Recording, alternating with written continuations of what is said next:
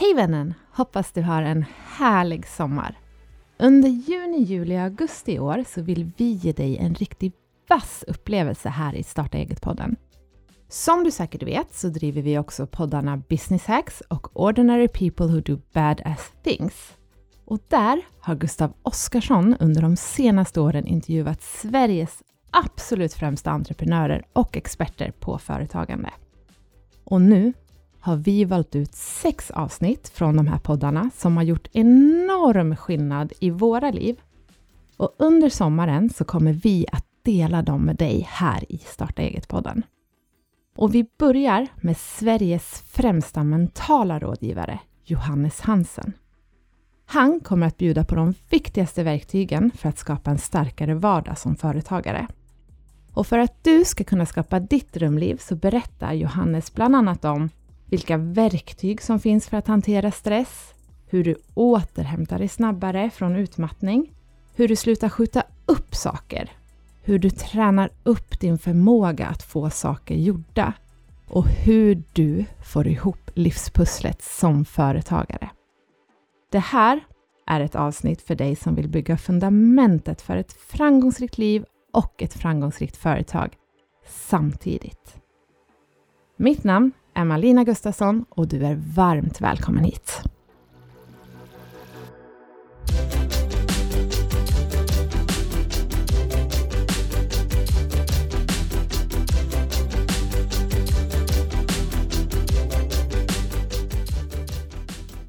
Välkommen till Business Hacks Johannes Hansen. Tack så mycket. Hur är läget? Det är väldigt bra. Jag eh, har lite träningsverk i baksida lår. Annars så, så känner jag att jag har en, en bra vecka. och är det det värsta som, som kan hända så tycker jag att du har haft en fantastisk vecka. eh, ja. Men du, vi har, det känns som det var väldigt länge sedan vi sågs. Det var det. Eller, var vi har det. jobbat väldigt mycket ihop. Jag ska berätta lite för lyssnarna. Vi, dels gjorde vi mitt företag turnén ihop under många år när du var ganska ny ändå som föreläsare och sen så gjorde vi även ett tillväxtprogram som jag startade Academy of Excellence i många år tillsammans. Mm. Jag har träffat det är massa tusen människor alltså. Jag groomades som föreläsare framför företagarpubliker. Verkligen, jag försöker ju alltid hitta de här föreläsarna som är på väg att bli någonting. Yeah. Och på den tiden var du ju då var du inte känd som du är nu. Nu, nu kallas du ju Sveriges främsta mentala rådgivare. Det, det kanske du inte var då. Nej, du eh, hade väl någon blick för det där då? Ja. Så att du menar att du trodde på mig? Jag såg dig första gången. Precis, du upptäckte mig, vad fint. ja, exakt. Men du Johannes, de flesta, eller väldigt många inom företagarsfären och som lyssnar på, på Business X vet ju vem du är. Men om vi ska sammanfatta vad du gör och vad du hjälper till med, hur skulle vi göra det? Jag tycker att en bra liknelse för mitt jobb är att se mig som en personlig tränare på ett gym fast eh, det mentala. Och, och anledningen är för att det finns många bra liknelser där. Dels så vet vi om att en PT på gymmet kommer utmana dig mm. och inte alltid vara särskilt omtyckt därför att du pushar gränser på många sätt. Eh, men den andra liknelsen är också att vi har mentala muskler och förståelsen för att vissa olika typer av övningar tränar din mentala styrka. Och du vill se problemen i livet eller problemen som företagare som vikterna på gymmet. Och om du utmanar dig själv med rätt teknik så blir du med tiden starkare och det som var jobbigt från början är inte lika jobbigt längre. Mm.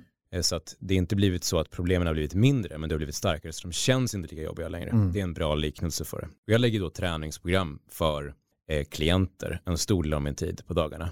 Och jag skulle säga utifrån företagarperspektivet att om man ser om man ser på en personlig tränare och så tänker man att om du ska ta ett OS-guld eller du ska, ta, du ska gå hela vägen med någon som tränar dig så vill du oftast ha någon som specialiserar sig på området. Någon som kan löpning, ta dig till OS där till exempel.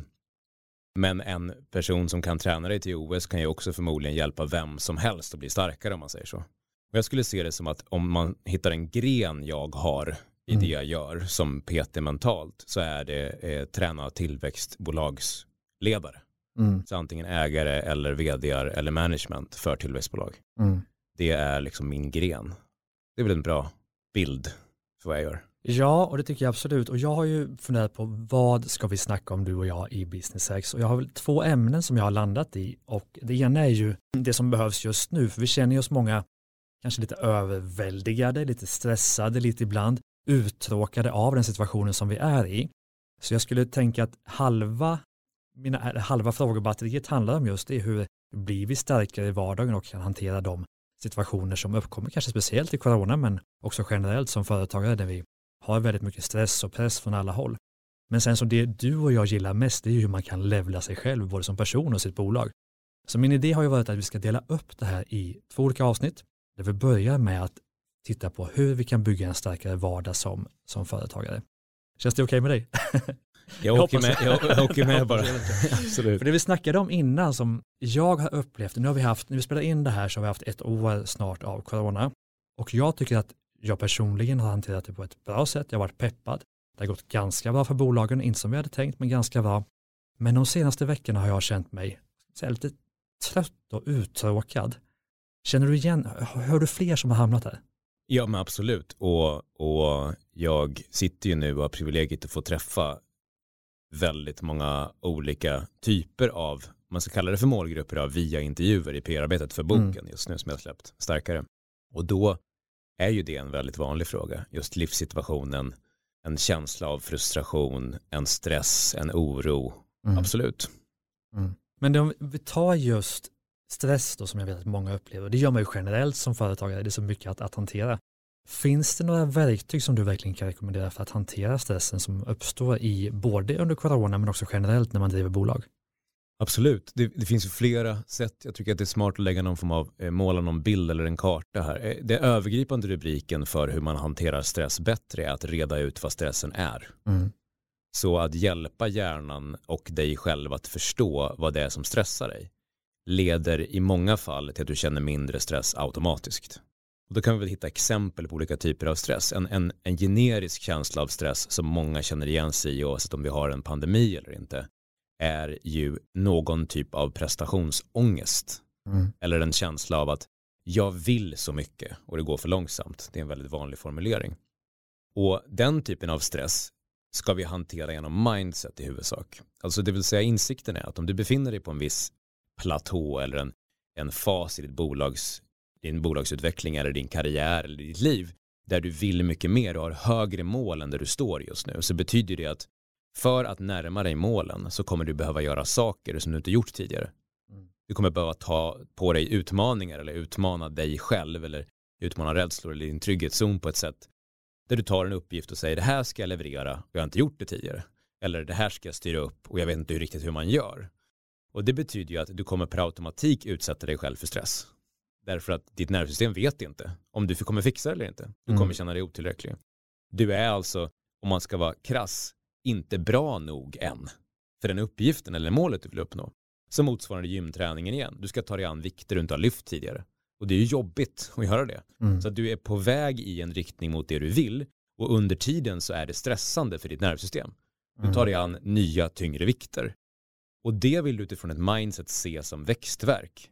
Mm. Och många på grund av att de känner sig otillräckliga får nästan en stressloop att de på grund av att de känner stress blir de ännu mer stressade. Mm. Och ett sätt att hantera det på är att bara gå med på att under tiden som jag utmanar mig själv så är det lite jobbigt och det är okej. Okay. Mm. Så det är en mindset-fråga i stor utsträckning när det handlar om prestationsångest. Så egentligen så är det inte stress på riktigt utan det är bara en, vad ska man kalla det istället då? Ja, men det Eller är, är det stress? Ja, men, det är stress. Det är absolut Men ska stress. man se det som, som en positiv stress? Absolut. Ja. Du ska se det som stressen av att du lyfter tyngre vikter. Ja, och, eh, den, är, inte, och den är inte farlig. Nej, se det som mjölksyra. Mm. men det finns väl även stress som är farlig? Absolut. Men jag kommer komma till fler exempel. Men jag tycker ja. att vi ska vara kvar ja. på den för att många känner igen sig i den. Ja. Och, och det som då är värdefullt att förstå är att under processen mot att levla, om vi ska kalla det för det, eller bli starkare, så måste vi gå med på att det finns stress. Mm. Det vi kommer komma in på förmodligen senare också under våra, under, eh, våra samtal eller båda de här poddarna på olika sätt tror jag är hur mycket stress man kan hantera och i vilka perioder. Men vi ska bara först separera dem. Så ja. Det är det ena. Den, den, andra typen av stress som jag tycker är värdefull att ta upp då. Det, är det som nog... är skönt med det ska jag ändå flika in Johannes, ja. det är att du är jävligt förberedd. Ja. Så att egentligen kan jag lämna studion nu så kör du på, eller Fortsätt, jag bara skojar bara. Ja, absolut. Jag, jag eh, skulle väl kunna säga så här, jag, jag har navigerat på den här terrängen tidigare. Ja. så ja. det andra jag vill komma in på är handlingsförlamad stress. Och det är snarare när du vet vad du, precis vad du vill göra, men du gör någonting annat istället. Mm. Många känner igen sig i det. Ja. Alltså, du vet, ibland är det vill göra, ibland är det borde göra. Det vill säga, du är helt säker på att ifall du flyttar den här pjäsen framåt, då kommer det vara bäst för dig. Mm. Men du håller dig fullständigt upptagen eller sysselsatt med annan skit istället. Och både byta ut den upptagenheten mot att skjuta ner det som är viktigast just nu. Och det skapar stress. Det är, är många kan relatera till studietiden förmodligen. Mm. Det vill säga den van, alltså det som tröttar ut ett nervsystem för en student i stor utsträckning är att man skjuter på uppgifter. Mm. Så att, och det känner många igen sig också. Man vet om att man borde gå och göra det där eller ta det där samtalet eller ringa upp kunden och säga jag kommer inte kunna leverera det här men man gör andra grejer istället, håller sig sysselsatt och blundar för det, trycker ner huvudet i sanden på något sätt. Mm. Och den stressen är också otroligt jobbig och påfrestande. Jag skulle säga att den frustrationen som många känner just nu, det är ju en konsekvens av misslyckanden kan man väl säga. Det vill säga, jag har haft målsättningar för året, en idé om hur det skulle bli och livet slog undan fötterna på mig. Vi har en påtvingad förändring av en massa rutiner. Och utifrån det mentala perspektivet, alltså mitt perspektiv när jag tittar på någon och så tänker man så här, nu ska vi få människor att må bra och göra bra ifrån sig och samtidigt ska vi förändra alla rutiner de har. Mm. Det är, ingen, det är inget bra, en bra sätt. Mhm. Så att när vi bromsar någon från att göra alla saker de vill och, och idén de hade om hur det skulle gå till och du heller inte vet när det öppnar upp igen, ja, men det är ju en beställning av frustration. Så att handlingsförlamning ska du förflytta genom att du gör det du behöver göra. Mm. Men frustration, den lägger sig om du går med på att acceptera saker. Mm. Och här kommer utmaningen. För allra, de allra flesta högpresterande personer, om du säger till dem, du måste acceptera hur det ser ut, vad kommer de säga då? tänker, jag, Mm. tänker jag fan inte göra, eller hur? Nej, nej. Så, där är utmaningen, gå med på, trots att det känns som ett misslyckande, att du inte kommer gå i mål på en del saker och sänk ribban och acceptera det. Mm. Det är vad som gör att din frustration blir mindre. Och är det då så enkelt att, men, säg till dina klienter då att du säger det, men sänk ribban nu, och så gör de det per automatik. Nej. Absolut inte. Nej. Det är en brottningsmatch. Ja. Så att det, och där kan vi ju prata nu tillsammans om det, Ja. eftersom du själv kan relatera till det. Ja. Ja, så gör man det i praktiken. Där kan, man ju använda, där kan du ju använda mig i följdfrågor nu om du skulle vilja, men det är ju en stor del av det handlar ju om att faktiskt få personen att inse att den brottas med livet. Mm. Den brottas med förutsättningar som inte finns. Den lever kvar i en värld som är borta. Mm. Men jag skulle ju ha, ja men vad du skulle ha gjort är väl helt, varför skulle du någonsin leva, leva kvar i en plan som inte går att genomföra? Just det, du skulle ha gjort, du skulle ha känt och så vidare. Ja. Allt det här var ju mitt ju, jag var ju på väg dit. Mm. Ja, jag, jag sörj det. Om du säger att du har förlorat en närstående, jag tänker väl aldrig ta ifrån dig din sorg av att känna så. Ja. Men att säga, jag önskade att personen skulle varit här, ja det är väl, jag, jag förstår. Mm. Men, känn då det. Mm. Men sen efter det kan du inte leva kvar i, vilket jag tror många kan relatera till ifall de har haft en förälder som har söjt sin förälder, Mm. som man har tänkt, vad fan är det med morsan eller farsan? Kom över det. Det har Mm. gått 20 år. Ja. Det är för att personen lever kvar i att det skulle inte ha hänt. Men lever vi Ja. kvar i det mer för att vi spenderar mer tid själva, ensamma? Helt övertygad. Helt övertygad. Mm. Jag menar en stor del av, om man tittar på, vad gör relationer för oss? Ja. Läker oss. Eller vi får prata om saker som är jobbiga. Mm. Vi får säga fan också, känna gemenskap i att fler känner sig misslyckade eller fler känner att de har gett upp saker, att det inte blev som de ville. Ja, Ja, plus eller? att vi får energi, vi får nya idéer, vi får nya Absolut. tankar som kan ersätta de här gamla målen. Precis. Vem ska du bolla nya mål med om du inte har någon att, göra det med? Ja, Fan, det där är spännande. Men okej, då har vi två olika typer av stress. Ja tre till och med nu då. Tre till och med. brom, den bromsande, alltså det vill säga förflyttningen av rutiner. Du tvingas göra förändringar på olika sätt. Och det finns som sagt, eh, som vi har talat om i andra poddavsnitt, positiv och negativ stress. Ja. Och det är ju den negativa som är farlig. Men, men om vi då hamnar där, liksom att vi, att vi känner oss utmattade, som jag upplever att många gör nu, vad, hur kan man återhämta sig från det? Ja men då behöver vi komma in på om det nu är lugnt att jag, att jag svävar iväg igen. Sväva på. Okej. Eh, för jag behöver, lägga, jag behöver lägga måla bilder så det blir Ja. tydligt för oss. Ja. Vi behöver förstå vårt nervsystem. Mm. Vi har två delar av vårt nervsystem. Del nummer ett och nummer två. Vi kan kalla det för, det heter det, det sympatiska och parasympatiska nervsystemet. Och det där får man inte alltid ihop när man tänker att sympatiska är väl lite mer otrevliga, va? Visst är det så? Det sy- sympatiska är, är, ett, är tvärtom, det är det trevliga. Är det så? Ja. För att det var tvärtom. Ah, skitsamma, nu, Ja. nu svävar vi. Det, det spelar egentligen ingen roll. Nej. Poängen, vi kan säga, kalla det för ett och två. Ja. Eh, logiken, och vi ska inte fördjupa oss i det, om man vill fördjupa sig i det tycker jag man ska återigen då köpa min bok Starkare så ska man gå in på ett Starkare och även eh, Daniel Kahneman har varit inne mycket på det, till exempel. Ja. Men starkare som Du ett, pushar eh, alltså inte mig utan Kahneman istället. Starkare Ja. av Johannes Hansen finns på, vart finns det? Överallt. På johanneshansen.com. Min poäng med det är att jag vill att vi ska få en enkel idé om, okej, vi ser att vi har skapat en människa nu här som är en liksom, eh, såklart en under evolution och är ett djur i kärnan och så gör vi det jätteenkelt och tänker. Djuret ska, djuret ska både slappna av, återhämta och läka sig och det ska kunna aktivera sig kraftfullt för att både fånga byten, försvara sig eller fly. Mm. De delarna har vi. Okej, så det ena systemet läker dig då och det andra systemet attackerar eller flyr säger vi. Vi gör det jätteenkelt. Då, då aktiveras olika funktioner i kroppen. Varav det ena då, den andra, den stressade, attackera eller fly, aktiverar ju massa funktioner i oss där vi inte återhämtar eller regenererar eller läker. Mm. Så vi säger till exempel, vad som kommer hända är att allt blod kommer gå till musklerna. Vi ska slåss eller fly. Mm. Men vi kommer också förlora blodet någonstans ifrån då. Vad är det det förloras ifrån? Ja, det huvudsakliga förlusten är ju magen och tarmsystemet. För det är ju den som behövs. Alltså, det är där det tar mest energi från oss när vi vilar. För vi ska kunna ta, tillgodogöra oss all näring vi får i oss. Mm. Och bara den logiken. Nu, nu går jag, försöker jag inte göra det så komplicerat, jag tar bara en sån enkel sak. Så vi går från musklerna, mer till musklerna och från magen. Ja. Och sen inser vi till exempel då, att lever du där länge då, så kommer du med andra ord inte bryta ner mat särskilt bra. Mm. När du bryter ner mat så både frigörs alla näringsämnen i kroppen, men det är inte så att det bara är det som tarmen gör, utan den, den hjälper dig också som vi har lärt oss nu om vi tittar på de här senaste böckerna och litteraturen kring mag och tarmhälsa. Det är också en stor intelligens i magen som hjälper dig att reglera en massa olika hormoner, bland annat vad som får dig att må bra, men även i slutändan får dig att kunna sova Mm. eh, till exempel då. Så att ifall du lever väldigt mycket i system 2, det vill säga under stress eller press eller i fight or flight på olika sätt, så kommer du långsamt gå sönder. Därför att du läker inte. Och ifall du då inser att mycket av den stimulansen vi får av liksom mobile devices och vi sitter uppe länge och vi har ljuset i ansiktet och ja, men alla de här vardagliga delarna Mm. vi får lära oss att vi är aktiverade där och känner oss stressade så kommer vi märka att tidiga symptom av problem vi får med stress är ju att vi får problem med magen. Vi sover sämre. Mm. Vi tappar lite minne. Varför, varför ska du ha ett minne när du flyr? Liksom, eller, Mm. Du behöver inte ha kontakt med den delen av hjärnan. Och du märker också att du blir mer reaktiv. Du blir irriter, lättirriterad. Mm. Därför att den, du behöver inte så mycket frontal cortex, alltså det är en som tänker och planerar. Mm. Du behöver bara ta dig därifrån och gå på instinkt. Så du blir sämre rent generellt. Samma sak en person, och det här är ju intressant som företagare. Om du tänker på att en stor del av din tid som företagare, speciellt småföretagare då, där du kanske inte sitter i ett stort konferensrum och tänker med whiteboards, utan du springer varje dag, så är du stressad. Vilka uppgifter gör du bra då?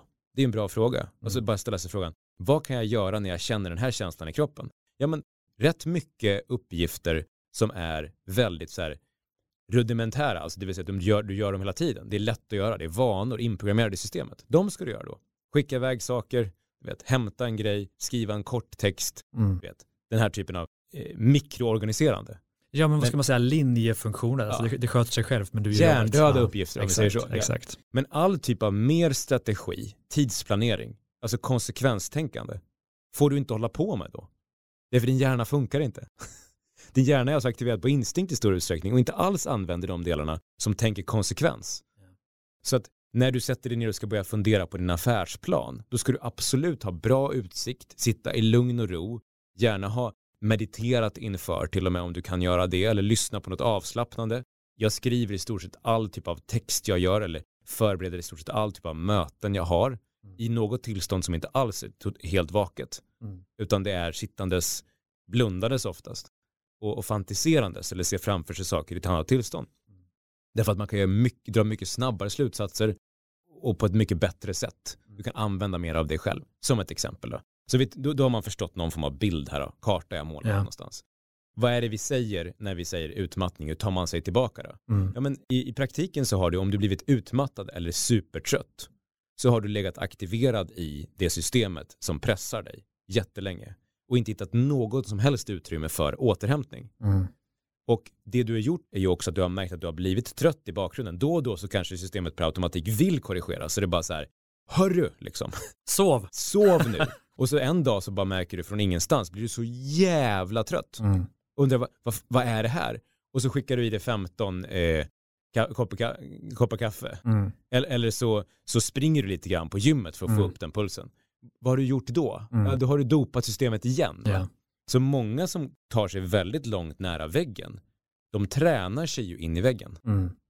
Det enda sättet att få energi på är att de börjar springa på bandet eller tar i väldigt mycket. För Mm. då får de till stresshormon igen. Så att kortisolet är så högt i dig till slut så att du takar och din kropp går fysiskt sönder. Just det. För du kan inte hantera det. Och då måste vi ju prata både om vad man ska ta bort, Ja. men också vad man ska lägga till. Alltså jag tänker lägga till exempelvis meditation, ta bort exempelvis blåa skärmljuset på kvällen. Ja. Hjälp mig. Vad, vad, du Vad menar ska vi- vad ska i, vi ta bort? i praktiken? Ja, i praktiken.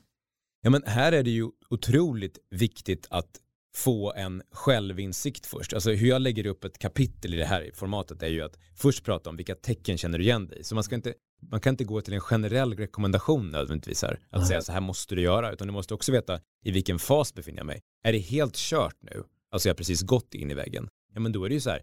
Då ska du ju i stort sett sjukskriva dig och lägga all tid du bara kan på alltså, ordentlig återhämtning. Sömn, gärna så mycket djupsömn som det går där du läker som bäst. Mm. Avslappning, tända ljus. Eller hur? Alltså komma in i alla de här liksom, tillstånden som vi har varit i, där vi vet att vi återhämtar som bäst. Mm. Vi bara försvinner ut i ingenstans. Där ska vi vara mycket. Men utöver det ska vi också återhämta kroppen. Hur gör vi det då? Ja, men vi gör det ju genom olika typer av tillskott som man absolut ska träffa en expert, för där tänker jag inte gå in liksom och vara. Men Men exempelvis D-vitamin måste vi ändå kunna nämna. Absolut, det kan vi nämna. Men det finns många mer tillstånd och det finns absolut människor som är proffs på att återhämta magen för dig, Mm. vilket är centralt. Liksom.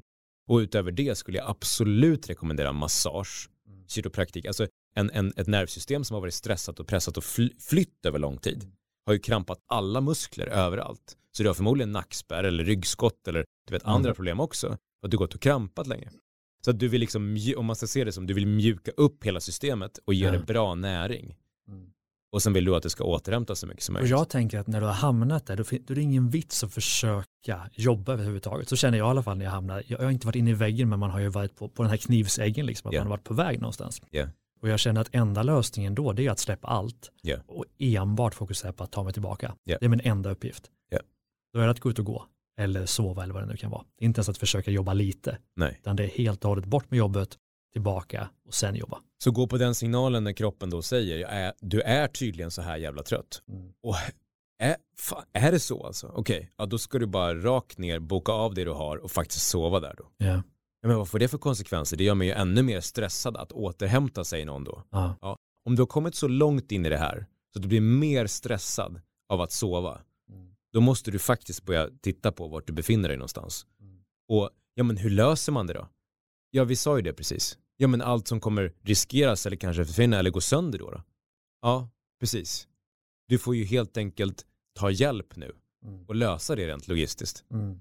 Därför att alternativet finns ju inte. Det är att du Nej. fortsätter en vända till och det blir sämre och sämre och sämre. Och till slut kanske du kommer till en plats där det kommer ta år att återhämta. Mm. Absolut. Och också förstå att de här enkla sakerna som Netflix, det är inte avslappning. Nej, precis så. Nej, men det, det, alltså jag känner igen mig själv i det ibland. Jag orkar inte göra någonting ikväll. Vi lägger oss och Ja. kollar på en serie eller en film. Och f- tror på allvar, jag gör det själv. Fast jag vet logiskt att det är kanske det värsta jag kan göra just nu. Mm. Så tycker jag ändå att Men ta det ett ska par bli avslappnande. till meningar på det bara. För att jag, jag tror att någon som lyssnar nu tänker, men det måste väl ändå vara mer avslappnande att titta på Netflix än det är att jag sitter och att jag jobbar intensivt. Ja. Vad skulle du svara på det då? Jag upplever ju, alltså jag vill gärna komma in på det här mer med att skjuta upp saker. Ja. Och jag menar att, att jobba och göra de sakerna jag har skjutit upp Ja. ger mig ett större lugn än att kolla på Netflix till exempel. Absolut. Och här kommer vi in i hela den här liksom komplexa teorin av hur gör man för att återhämta någon då? Ja. Jag menar, jag gör det ju i praktiken nu med människor. Jag får, jag får eh, tipset om att träffa någon eller jag, jag, jag har någon som är dit tvingad av någon de jobbar tillsammans med och säger det här är en nyckelperson i vår organisation. Den är helt avgörande för den här avdelningen. Och jag ser tendenserna på det här. Jag har, den har varit sjukskriven en vända och fortsätter likadant igen. Och där det blir mitt jobb att tillsammans med personen super-rehabba. Hur gör vi i praktiken? Ja, då kommer vi in på sån detaljnivå så det måste Mm. vara jätte-custom-madeat Mm. faktiskt. Men det är ju en massa sådana ritualer tillbaka till din första fråga. Mm. Det är ju absolut stänga av allting som har med intryck att göra. Mm. Alltså totalt intryckslöst. Ja. Gå in med avslappning, hitta vilken typ, många är så här, men jag kan inte lyssna på avslappnande pi- pianomusik. Ja, men, du hör ju själv liksom. Ja, men skit i pianot då, vad finns det annars du kan lyssna på? Mm. Ja, men du måste utmana hela vägen. Mm. För det brottas systemet så jävla mycket. Mm. Jag menar det är bara att titta på några av de här klippen som jag har lagt ut i sociala medier där jag pratar med någon som är utbränd. Mm. Det enda de gör är ju att argumentera med mig om att de måste sätta igång igen. Mm. Det enda de håller på med. Därför att det känns som ett så fruktansvärt misslyckande de är så jävla ledsna bakom alltihopa. Mm. Men insikten är ju, man tänker att det känns som att man håller på att gå sönder för att man är ledsen. Men det är ju inte det. det är din kropp är slut. Mm. Du vill också förstå vad sorg är här.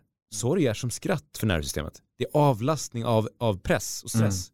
Mm. Så när du känner en dag på morgonen, vilket många känner igen sig som är nära väggen, att du vill spy eller att du vill gråta bara. Vad är det kroppen säger? Jag är så jävla spänd. Mm. Kan du ge mig något typ av exempel på, kan du, kan du använda kroppen för att slappna av nu tack? Mm. Vad händer efter spya? Samma sak. Eh? Hjälp mig, jag Ja. håller på att gå sönder liksom Mm. av press. Så att gråt då, gärna länge liksom. Lägg, alltså, om din kropp säger åt dig, lägg dig på golvet med huvudet ner bara. Ser ut som att du har liksom dykt liksom, rakt ner och gått sönder. Gör det, för kroppen Mm. säger, gör det här nu, tack. Och små sådana mikroåterhämtningar kan hjälpa dig jättemycket för att få tillräcklig klarhet så du faktiskt kan styra upp någon typ av plan. Mm. Men jag skulle aldrig lita på att göra det själv. Mm. Jag skulle direkt gå och säga så här, nu är jag körd, jag kan inte tänka klart, jag fattar det. Mm. Jag måste ha någon som tvingar mig till Mm. en återhämtningsplan. Men, men vad- återigen för att förtydliga, vad är de första tecknen? Vi kan ta dem väldigt tydligt, så kan Ja. vi ta dem rak, rakt ur boken här, ska vi göra det? Tycker jag. Mhm. Så, så går vi igenom en checklista till och med. Tidiga stadier av för mycket stress. Problem med magen, svårt att sova, ma- vakna mitt i natten, sover dåligt. Mm. Blir lättirriterad över småsaker. Uppfattar alla människor som långsamma och tröga. Det känner väl Det har varenda, jag alltid gjort. Ja, precis, känner varenda entreprenör igen sig i. Känner tryck över bröstet, lätt yrsel och lätt hjär- hjärtklappning. Mm. Har överdriven perfektionism och större kontrollbehov än vanligt. Mm. Så det återigen, det är inte att du, du kanske alltid har haft det. Men Ja. har du mer än vanligt, du märker att du vet, du, det känns nästan en ångestpåslag att jag måste ta kontroll över det här också. Som Ja. att det, det, det här är inte, jag, jag är inte van vid det här hos mig Mm. själv. Eh, orimlig känsla av vinnarskalle som inte lugnar ner sig. Det är det som tydliga exemplet när jag har samtal med människor i det. Mm. De måste vinna över att de är trötta. Mm. De är i krigan Ja, hela de, tiden. kri, de krigar mot tröttheten på ett Ja. sätt som, är, som man nästan tänker sig, men fan, hur, hur är det möjligt att du inte hör vad du själv säger? Mm. eh, dålig aptit eller tvärtom enorm aptit varpå att du kraftigt går upp eller ner i vikt. Mm. Ett bra exempel också. Du kommer börja Ja. märka att du använder socker till exempel för att bli pigg. Mm. Vissa blir också maniskt tränande så att de ska kastas in på gymmet jämt för att de måste få in, tag på Ja. den här kicken av energi. Akuta tillstånd då, för det var liksom tidiga tillstånd. Ja. Om det är akuta så är det bara att du tar allting fast lite grövre. Mm. Så sovit dåligt och för lite under en längre period. Stora problem med magen över längre tid. Svårt att fokusera på dagarna. Extrema kostvanor, till exempel alldeles för mycket socker, fett, kaffe eller alkohol. Känner ingen glädje eller lycka alls, bara ångest och på sin höjd lättnad. Det är Mm. också en ganska bra kompass. Ja. Man, inte, man känner att det här är inte kul, ingenting kul. Mm. Jag känner mig bara lättad när det känns som att press släpper. ja, men typ också så här, fan vad skönt att mötet blev inställt. Ja, precis så. Ja. Den så här, ah, skönt, nu kan jag, vad ska jag göra istället? Jag vet inte, men jag vill Nej. bara inte göra grejer. Nej. Liksom. Eh, sen har du mer panikartat tryck över bröstet, Ja. svår yrsel, återkommande hjärtklappning. Alltid trött, blir aldrig pigg, känner att du vill spy utan anledning, gråter utan att du förstår varför, tappar minnet eller får blackouts. Mm. Alltså det värsta är ju att, att de flesta av oss känner igen många av dem på en viss nivå. Och de jag tänker framför allt på som lyssnar på detta, det är ju de som driver väldigt små bolag. Ja. Som säger att jag kan inte vara borta. Ja. Det går inte min butik, då får jag stänga ner butiken. Min massagesalong, då får jag stänga ner den. Ja. Vad vill du säga till dem? Jag vill säga till dem att du kommer behöva stänga ner den ändå. Mm. Du kommer verkligen behöva stänga ner den och förmodligen inte ens öppna upp den igen ifall du fortsätter. Och det är ju det som tyvärr blir ett tråkigt hot. Men Ja. det enda vägen framåt jag har märkt för den här typen av vinnarskallar. Mm. När de ska tävla mot mig och säga jag kommer visst fixa det. Mm.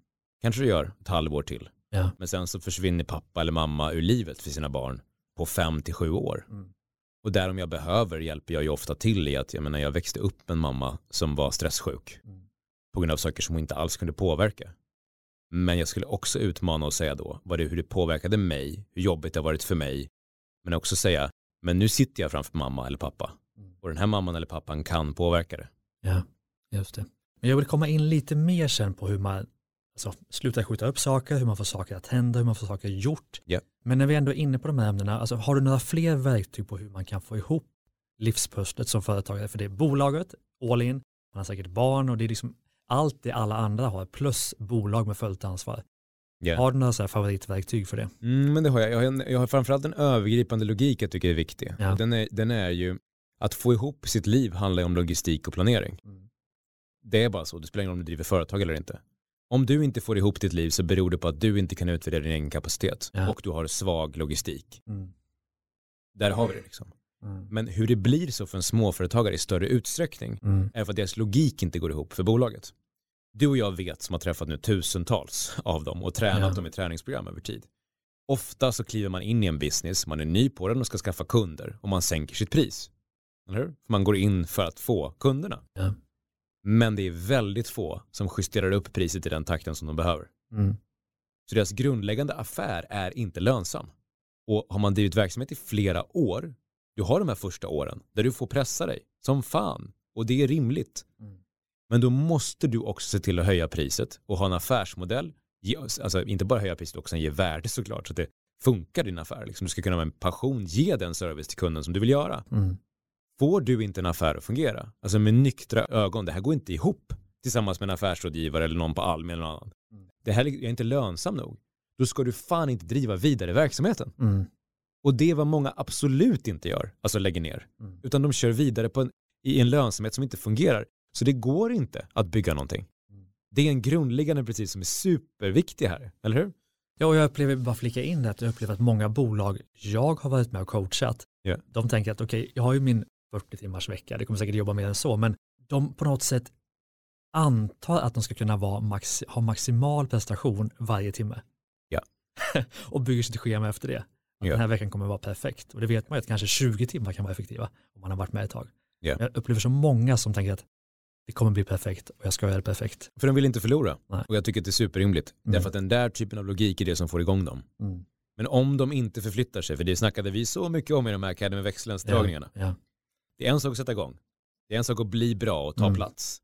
Men om du inte förflyttar ditt fokus och förstår att nu ska driva bolag eller bygga bolag, Mm. då kommer du alltid vara körd.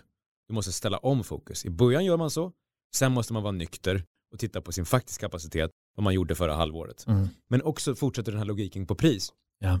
De flesta lägger sedan en plan då, så tänker de, nästa år ska jag växa med 10 eller 20 procent. Och sättet jag ska få det runt på är att jag ska jobba 10 till 20 procent mer. Mm. Alltså det är den undermedvetna principen man lever efter. Mm. Så för varje år som man växer måste man jobba mer. Mm. Och där är ju, har ju vi använt olika strategier för att träna någon till att le- levla. Mm. Och ett, en strategi har ju varit, du får inte sätta så små mål. Och då tänker folk, vad fan menar du, ska jag jobba ihjäl mig? Nej, nej, nej. Du kan sätta så höga mål så att du inte kan jobba hårdare för att lösa dem. Mm.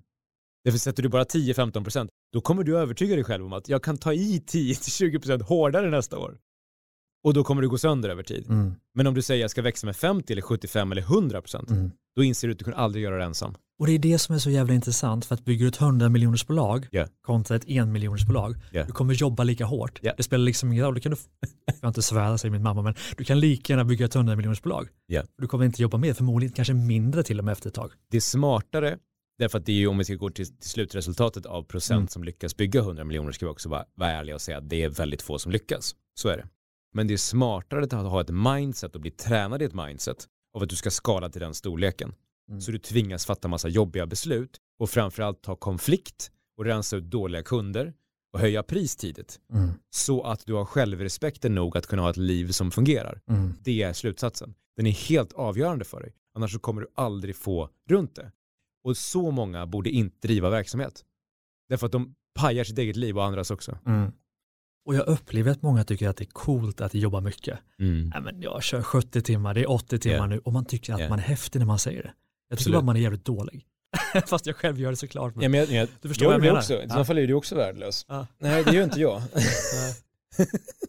Ja, men, ja. jag vill skryta åt det andra hållet. Ja. Jag lägger mycket tid på att förlöjliga det där resonemanget. Ja. Jag står aktivt i liksom fikarum när någon säger ja det är mycket nu och så säger jag Ja. vilken jävla förlorare du är. Ja. Jag håller ju på så, därför att jag vill skapa andra kulturer. Jag tycker inte att det finns någonting fint överhuvudtaget med att jag loggar en massa timmar för att man tycker sig, känner sig märkvärdig. Ja. Jag jobbar otroligt mycket, Mm. men det är ingenting jag, du kommer någonsin höra mig skryta om. Nej. Jag kommer inte prata om att jag jobbar mer än någon annan och därför är det här och det här är fel om man gör så här lite. För rimligen hade du varit jävligt duktig på det du gör så hade du inte behövt jobba så mycket. Lite den teorin försöker jag tänka. Ja, den är fin. jag ska inte säga det till dig. nej, men jag, gill, jag gillar ju det Ja. resonemanget att Ja. utmana på det sättet. Ja. Alltså, jag menar, så här, i slutändan ska vi komma ihåg att du kommer inte träffa någon, nu är jag ju väldigt inspirerad av att bli sanslöst bra, Ja. alltså att bli bäst. Ja. Eh, Och du kommer inte träffa någon som är bäst som inte har jobbat typ Absolut. ihjäl sig för att göra det. Så är det. Men med det sagt, tillbaka till systemen. Det jag ser som hela min filosofi är ju att vara riktigt bra på att förstå systemen. Det vill säga kroppens system. Ja. Attack och vila. Så att du ska kunna utvärdera mig på när jag kör mitt år nu.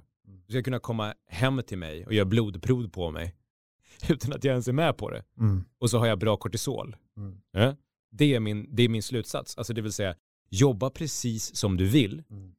men fatta vad du gör mot dig själv och andra och din omgivning. Mm. Logga 80-90 timmar, om du nu kan och din kropp uppenbarligen fixar det. Mm. Då är du en atlet. Och det är coolt, Mm. absolut. Men idealet är inte antalet timmar, utan idealet är absolut det du också säger. Mm. Tillväxten och produktiviteten. Och ifall du snarare har en livsfilosofi där du kan anställa en massa bra människor som gör jobbet åt dig och du äger bolaget, det är väl ascoolt också. Mm. Så det finns inget rätt eller fel här. Men Nej. det är filosofin som du säger, när det finns en märkvärdighet i hur mycket man jobbar. När någon egentligen borde säga, men hör du som jobbar 80 timmar, du har ju inte ens ett socialt liv. Mm. Och du är ju en dålig människa mot din familj som du säger att du älskar, fast du tillbringar mer tid med andra egentligen. Mm. Vad, vad, fan, vad fan är det om då? Det här är ingenting du borde skryta om. Ja, Så att, exakt. alltså, bli utmanad i livsfilosofi istället, att prata om helheten. Så här, jag menar, jag har ju en enorm respekt för en person som har bestämt sig. Sen skiter jag i vad. Fast då måste den personen inse, vare sig det gäller dig eller mig eller den som lyssnar, att ska du jobba mer så måste du vila mer.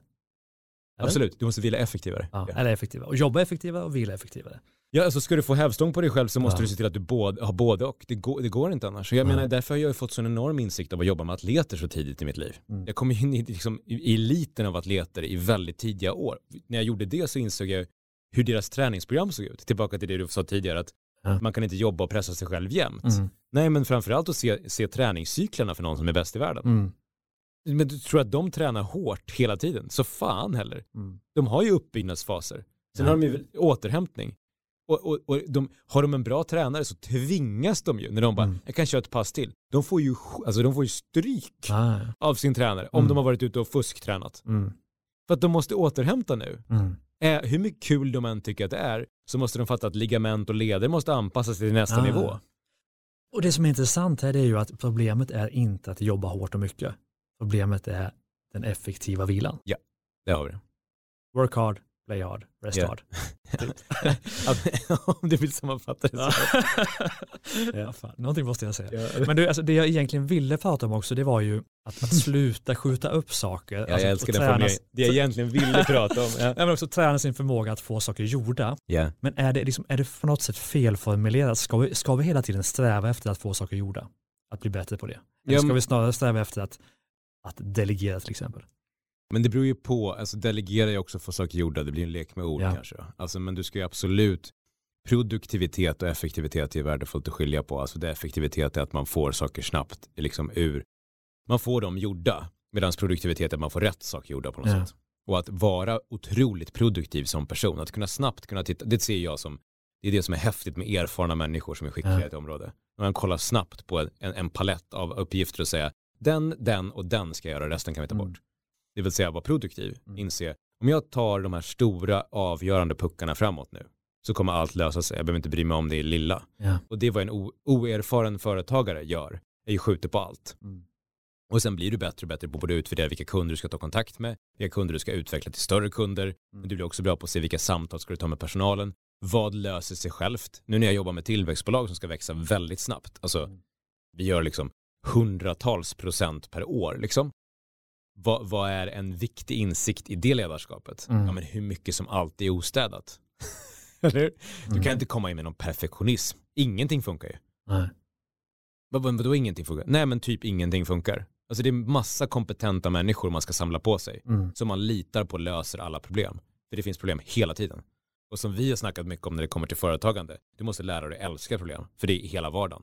Du går upp och har problem. Du går och lägger dig och har större problem. Mm. Det är liksom, den dagen du inte har problem som verksamhetsledare, då har du verkligen stora problem. För då har du Mm. inga kunder. Mm. Så att kärnan av en verksamhet är att man löser andra människors problem. Och ska du växa otroligt snabbt har du problem jämt. Och bara se till att jag ska omge mig med mycket människor som kompletterar mig så att de löser problemen när de kommer upp. Inte gå in och tänka allt måste vara perfekt och så vidare. Eh, och det är ju otroligt stressande för någon som gillar att ha dukade bord. Mm. Och också gilla att ha kontroll på allting. Ja. Vilket är en omöjlig kombination. Ja. Jag menar, vi vill ju ha, vi vill ju skaffa så jävla kul och äventyrliga problem som möjligt. Ja. Och inte bara lösa de här små, vart ska soffan stå? Vilket hörn? Hå- Håller helt med. Och hur gör man då? Vi, vi satt ju och lyssnade på en panel, jag vet inte om du var med på Delegate or Die? Var du Nej, det? nej. nej. Med ett entreprenörsnätverk som vi är med i tillsammans. Mm. så var det en sån panel där man pratade om att man måste delegera om man ska lyckas skala. Och en, en så jäkla avgörande insikt är ju, är du uppgiftsorienterad som person så är du inte bra på att delegera. Mm. Då är enda strategin till att kunna delegera är att hitta större problem. Mm. Så, att du inte, så att du inte hinner med att tänka på de små problemen så du måste lämna bort dem. Ja. Eh, och det ska jag se som en smart strategi för många som vill delegera eller bli bra på att göra det. Hitta större problem än de här små du håller på och löser. Säg det där igen, för jag tror vi måste bara, jag förstod dig, det var inte det, men jag tror att den som lyssnar måste lyssna igen. Mm, fattar. Om du är, vilket tenderar att vara, så är du en entreprenör som sätter igång din egen verksamhet, en företagare, så är du bra på att skjuta ner problem. Du gillar problem och lösa dem. Ditt kontrollbehov gör då att du löser förmodligen problem som är mindre än vad du borde. Och sättet då att delegera till andra människor på och släppa kontroll, det är att se till att du har ett så pass stort problem som du måste lösa. Så du har inte tid eller energi att kunna tänka på de små. Mm. Behövs du bara säga, här har du de här. Mm. Men din kontroll du behåller är genom att du sätter upp bra uppföljning istället. Mm. Så ni hittar ett bra- sätt tillsammans att prata om de här små problemen så att du känner att du inte ligger efter, alltså de som finns med dig, Mm. de blir avprickade. Men du har andra problem att lösa. Och det bygger ju tillbaka till om man ska vara duktig på att få saker gjorda och få det viktigaste gjorda först och de här strategierna man ofta har, Mm. måste man också veta vad som är det viktigaste. Och här har vi en jätteutmaning för människor som ska få bygga verksamheter. Att de lägger inte tid på att bygga planen. Så de har inte de här dominobrickorna. Så de ser inte framför sig, ska jag nå de här målen Mm. till juni, då måste jag göra det här gjort i mars. Vilket betyder att jag måste sätta det här till, fan det är början på februari redan. Mm. Och helvete, ja då ligger jag ju två veckor efter. Den typen av handlingskraft skapas oftast först när du har planer som är, ser ut som dominobrickor eller har dependencies då, som man pratar om. Så du har timelines och roadmaps som det så vackert heter som sitter ihop. Så att det är så här, ja men det här är en karta jag fattar mig på. Mm. Om jag bygger det här steg för steg, då går det ju ihop ju. Och det är en strategisk övning som kräver att man är klar i huvudet och inte stressad när man gör. Mm. Fan vad spännande, men du, nu har vi ju verkligen snackat på om hur Ja. man bygger en starkare vardag. Vi kommer ju göra ett avsnitt till om hur man mer levlar sig själv, levlar bolaget. Men om vi då ska sammanfatta på något sätt de tre viktigaste verktygen ur det vi har snackat om nu för att bygga en starkare vardag som företagare. Vilka tycker du att det är? Men utifrån temat vi har varit inne på nu, tycker, det, det ena perspektivet som jag, som jag inte vill lägga med på listan av de tre, men jag vill ha, vara med, ha med ändå, Ja. det är de här systemen i kroppen när det kommer till återhämtning. Ja. Förstå hur avgörande återhämtningen är och konsekvenserna av att inte göra det. Mm. Det är så på riktigt att du blir korkad över tid när du inte sover eller när du inte återhämtar ordentligt. Så den är viktig. Men sen skulle jag säga att, att som företagare rent generellt, det här inspirationen av att älska problem, den ska du fan ta hand om alltså. Mm. Och, och är du för trött och tycker inte att det är kul längre, tycker inte att det är roligt med andra människor, du börjar inte gilla dem liksom, eller deras problem, eller, Mm. det är svårt att ha att göra med folk. Och det är ändå, det är hela syret till varför vi följer dig som ledare som sätter igång en verksamhet, eller varför Mm. kunderna vill ha dig, är ju för att du ska älska att ge det värdet. Mm. Och då måste du ge det med självrespekt. Och det innebär att du måste ha en prissättning som fungerar. Du måste ha en affärsmodell som sitter ihop. Om man inte tror på affärsmodellen, varför ska man överhuvudtaget göra det? Och där är det många som är alldeles för okräsna mot sin egen affär. Och, och det finns ofta ganska närliggande en möjlighet att göra det mer lönsamt. Om du tänker på värdeskapandet hos kunden, Mm. prata med kunden om. Kan vi ge mer värde på något sätt? Hur, hur skulle vi kunna göra det här ännu mer värdefullt? En generell bara, ett generellt råd där är att absolut förstå att i en stressad tid som just nu så är tid en liksom otroligt värdefull commodity. Mm. Så att det du vill göra är ju att bli bra på att förstå hur projektledning av en produkt eller en tjänst Mm. är så jävla avgörande. Att vara bra på att följa upp människor som annars inte hänger med och att ta betalt för den tiden. Det är många som, som bara vill göra säljet så de tar inte betalt för tiden de både planerar projektet alltså inför. Mm. Och att kunna lägga in det i affären så folk känner sig servade, det är ett smart sätt att tänka på. Mm. Sen skulle jag, jag ha som en regelbunden princip för alla som vill bli bra i sin karriär eller bygga bolag att bygga karaktär. Att förstå att hur, hur blir man bra på att försöka jorda? Man tränar självdisciplin. Apropå mental styrka. Vad är självdisciplin då? Att att göra saker fast man inte alltid känner för dem. Att vara bra på att skjuta ner det som är jobbigt och viktigt först. När du har mest energi och inte spara det tills när du inte orkar eller skjuter det på morgondagen. Mm. Och inse att du ska vända på det här. Det finns ju olika teorier om att antingen ska man sätta igång med det enkla först och sen ska man göra det svårare sen för man ska få in farten. Jag är helt tvärtom. Jag tror verkligen på att använda all energi du har till det svåraste först så kan du göra de här mer hjärndöda grejerna när du inte, har, när du inte orkar eller har tid eller på kvällen. Eh, så skulle jag lagt upp det. Och sen så skulle jag respektera planering och logistik. Det upplever jag är någonting som jag i samtal med företagare, till och med, de kan till och med skatta bort det. Där det är, ja men, jo men det där löser sig. Ja men, är det där, var det där ansvarstagande? Mm. och säga att det där löser sig. Gör det verkligen det? Mm. Du sa ju precis att de här två, de kommer vara sjuka nu i en vecka. Och du har det uppdraget som kommer in. Och du ska göra den där. Jag är ju logisk bara och tittar utifrån. Det kommer inte alls lösa sig. Mm. Någon kommer bli drabbad här. Men det, det är slarvigt tycker jag, oansvarigt. Och där menar jag på att bygga karaktär är ju i slutändan att man blir en person att lita på. Så, så fort du märker att förändringarna eller förutsättningarna förändras, ring upp kunden då. Prata med medarbetarna. Regelbundet planera din verksamhet och, och ha respekt för logistik. Det ska jag se som tredje. Magiskt. Men du Johannes, om man vill läsa dina böcker, vad heter, ska vi bara gå igenom böckerna som finns nu? Det finns, du har ju, jag vill säga dem du, du har ju Fuck Your Fears, Ja, Tough Love, ja, Starkare, men det kommer in emellan också. ja, peppa mig eller flytta på dig. Just det, jäklar. Åh, jag tänkte jag skulle ta allihop. Och sen kan man gå in på johanneshansen.com, där finns det hur mycket som helst. Det är där man ska gå in för att köpa dem allihopa. Där Absolut. finns ju böckerna och det finns mer, vad finns det mer att ta del av? Podcasten Podcast. eh, är ju den som det stora jag gör. Det. Jag regelbundet pratar om livsproblem eh, och utmaningar för företagare och ledarskap. Ja. Och det finns ju en hel del videos. En hel del videos och filmer, men det ser du både på Instagram och på Facebook också. Där följer du dagliga flöden kring det.